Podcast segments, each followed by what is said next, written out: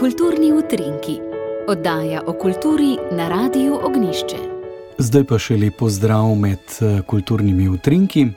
Postonskega poletja si ni mogoče zamisliti brez festivala Zmajma mlade, ki z raznolikim kulturnim programom tradicionalno razgiba konec avgusta in popestri poletno ponudbo postojne.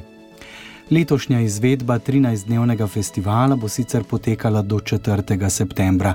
V skupno 13 festivalskih dneh pa obljubljajo 40 različnih dogodkov, od koncertov različnih žanrov, uličnih predstav, otroškega programa z ustvarjalnimi delavnicami, predstavami in filmi, športnih dogodkov in pa razstav, ognjenih predstav, stand-up komedije, poletnega kina, predavanj ter delavnic za osebnostno rast.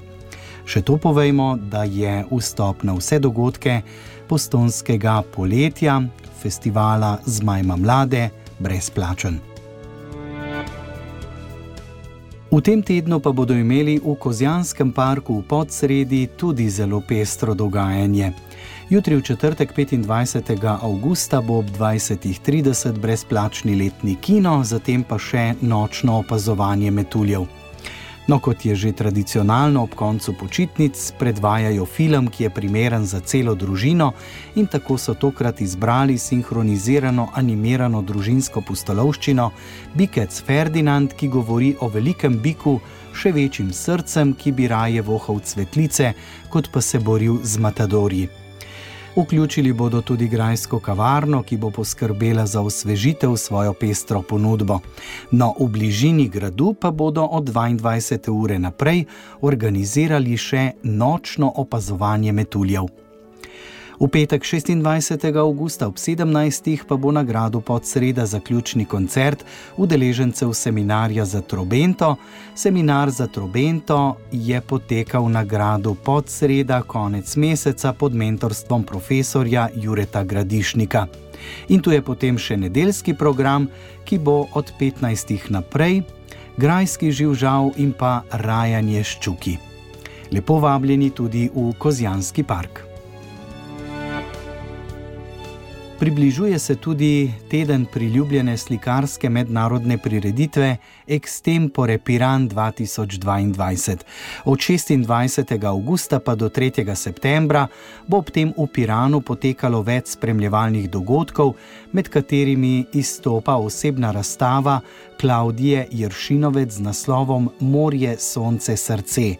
Odprtje bo v galeriji Herman Pečarič ta petek 26. augusta ob 20. uri.